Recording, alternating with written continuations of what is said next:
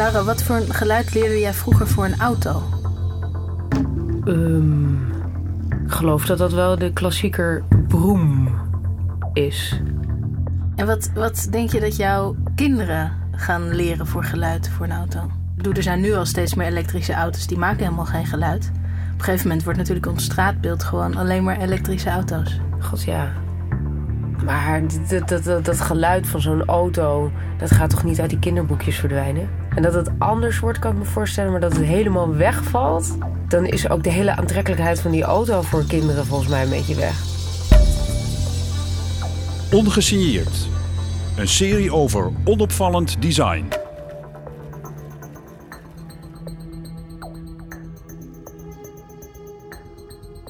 Laatst las ik in de krant dat er enorme ophef was rond de Formule 1 races.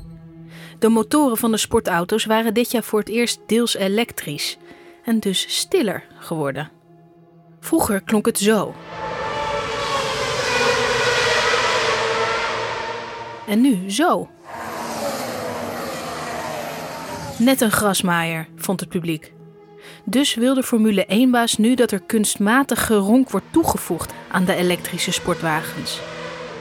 Ongeveer hetzelfde gebeurde bij de overheid. Van de EU moeten elektrische auto's vanaf 2019 geluid maken.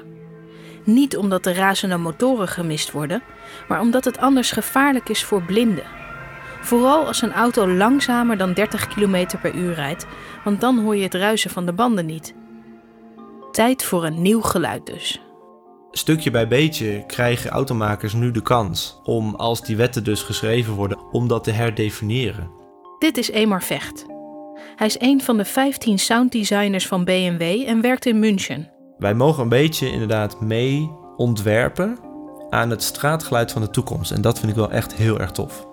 Behalve 15 sounddesigners zijn er ook nog zo'n 250 mensen die nadenken over akoestiek in de auto, motorgeluid en demping. Die functies bestaan al heel erg lang en dat verrast me eigenlijk wel, want ik dacht dat de interesse voor autogeluid iets van nu is. Maar het blijkt al sinds de jaren 20 hoog op de agenda van autofabrikanten te staan. Vertelt Karin Bijsterveld. Zij is hoogleraar aan de Universiteit Maastricht en schreef een boek over de geschiedenis van autogeluid. Toen het een gesloten geheel werd, daarvoor waren het in feite soort koetsjes met een motor erin. Jaren 20 komt er dan zo'n uh, zo'n ronde kap op. En in eerste instantie maakt de auto daarmee alleen nog maar meer lawaai. Want alles rammelde aan dat ding. Van dat rammelende geluid werden mensen moe, bleek uit testen. Een nadeel van die kap was ook dat je vanuit de auto minder van het landschap zag. En dat mensen daardoor ook minder het gevoel hadden dat ze over de weg vlogen. Het idee van een auto die kan vliegen, hè, die zo eigenlijk zo'n vliegend tapijt is en die jou overal kan brengen waar je maar wil, dat is een heel oud ideaal. En geluid kon daar ook een beetje aan bijdragen. Althans, dat was het verhaal van de mensen die, uh, die eraan werkten. Die probeerden de auto dus stiller te krijgen, zodat mensen toch nog dat gevoel van vliegen hadden. Maar ook omdat ze dachten: als we een auto maken voor een groot publiek, als we een auto gaan maken ook voor gezinnen, ook voor vrouwen, voor mensen die niet een chauffeur hebben, die, die straks de reparaties doet, dan moeten we ervoor zorgen dat we het geluid onder controle krijgen. Want mensen raken heel snel ongerust als ze van alles en nog wat horen rammelen. Dan, dan willen ze hem niet gebruiken of ze willen hem zelfs niet eens kopen. Er waren in die tijd zelfs ANWB-handboeken waarmee automobilisten konden leren luisteren naar hun auto. Als je dat en dat hoort, uh, en je hoort een plof die klinkt als een pauk in een orkest, dan is er dat en dat aan de hand. En uh, als je zus en zo hoort rammelen, dan zou je eens moeten kijken naar dat en dat element van je motor. Ik maak even een sprong in de tijd, naar de jaren 60 en 70. Auto's werden natuurlijk steeds beter en ook veel stiller, zowel van binnen als van buiten. Dus zeiden de handboeken nu: Hoor je iets geks, dan moet je gelijk met de auto naar de garage. In de jaren 80 en 90 werd autogeluid steeds meer iets voor chique autofabrikanten die zich wilden onderscheiden.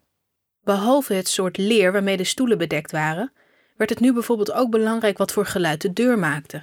Vaak letterlijk is er een uh, link gemaakt tussen het zware geluid van zo'n dichtslaande deur en het gevoel van veiligheid. Dat je door een, ja, een flink stalen karkas wordt beschermd. Dat wordt allemaal gemaakt zodanig uh, dat het past bij het soort auto wat je hebt uitgekozen.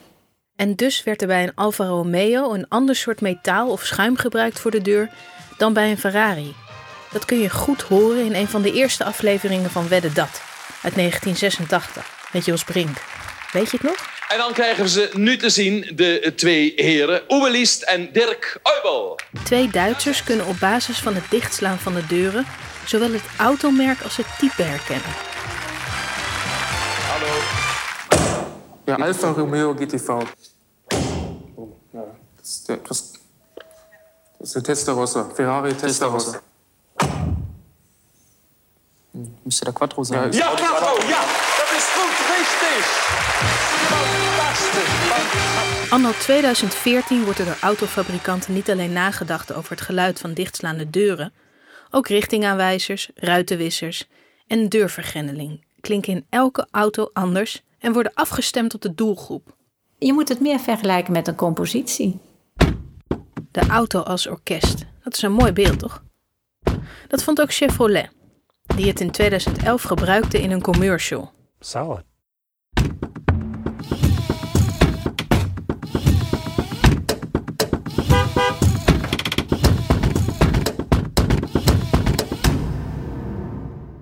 Terug naar Emar. Hij heeft net een nieuw geluid voor in een BMW ontworpen. Als ik een waarschuwing wil laten horen die niet per se levensbedreigend is, dat er wel iets is waar eventjes de aandacht voor nodig is, maar die auto valt niet uit elkaar. Op dit moment is dat bij BMW is dat zo. Hij ontwierp ook zo'n waarschuwingsgeluid voor Mini, dat onderdeel is van BMW. Maar daar klinkt het bijvoorbeeld anders. Want Mini is een ander soort auto, dus dat, is een, dat heeft ook een ander karakter nodig dan. Nu zijn dit best futuristische geluiden. In mijn oren dan. Maar als je kijkt naar de richtingaanwijzer van een BMW, lijkt dat toch ook best op het geluid van mijn oude Citroën. Vroeger was het eigenlijk een soort schakelaar die letterlijk de lampen aan en uitzette in een bepaald ritme. En dat is dus gewoon een metalen klik die je hoort van het omklappen van die schakelaar. En dat is een verwachting die mensen hebben.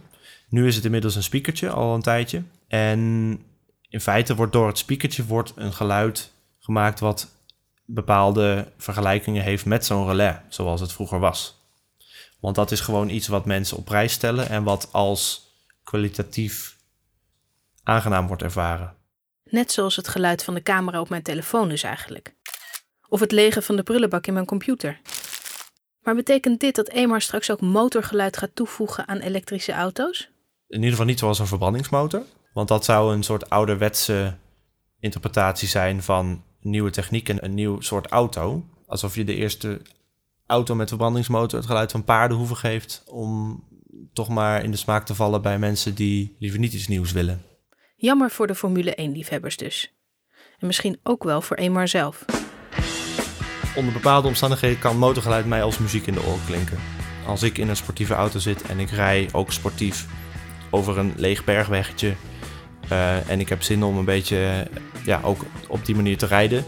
En het motorgeluid geeft mij de zekerheid dat de auto veel power heeft en dat hij tot mijn beschikking staat en dat hij het goed doet. Dan kan dat zeker een grijns op mijn gezicht toveren. Dat een harde motor je als muziek in de oren kan klinken, is wat Elif Ushkan het Harley-effect noemt. Elif is verbonden aan de TU Delft en onderzoekt het ontwerp van geluiden voor bijvoorbeeld koffiezetapparaten, stofzuigers en auto's. These sounds of Harley Davidson, if you would measure it scientific or you know instrumentally, you would say, "Oh, that sound will never go through because people wouldn't like it, but people love it." Hoewel zo'n Harley dus eigenlijk akoestisch voor je oren niet echt een aangenaam geluid is, lopen mensen ermee weg. Dat komt omdat het vrijheid en avontuur symboliseert. The sound itself also resembles maybe a wild animal that's not tamed, and you feel like you're taming the animal.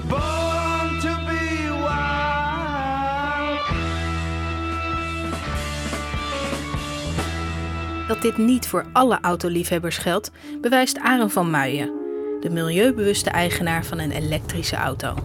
Nou, ik zou zeggen, hou je goed vast. Ja, ben je er klaar voor? Ik ben er klaar voor. Oh ja, je kunt de normale stand en de sportstand. Dus als ik nu, nou gaat hij gewoon zo hard als, als, als hij echt kan. En dat gaan we nu even proberen. Dit is dus een tweezit sportwagen. De eerste elektrische auto die Tesla maakte, bedoeld om iets aan het geitenwolle sokken imago van een elektrische auto te doen.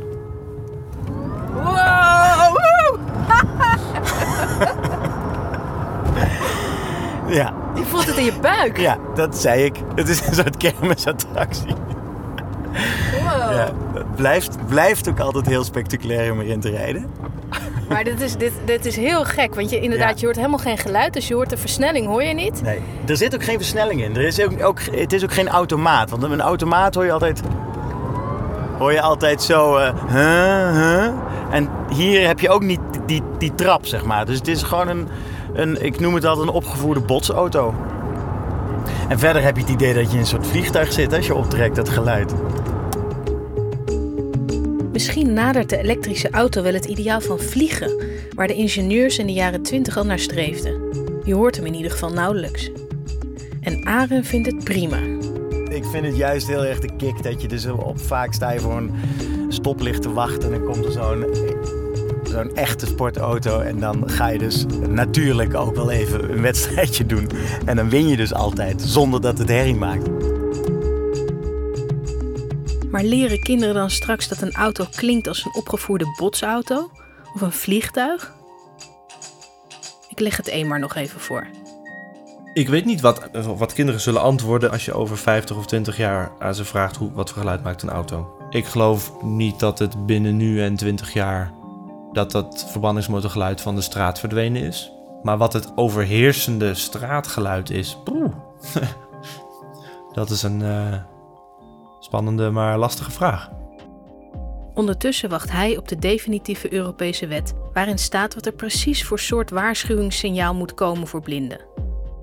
In Japan mag je bijvoorbeeld niet het geluid van een beekje gebruiken. Ik snap best dat een wetgever dat wil bepalen en dat zulke dingen wil uitsluiten.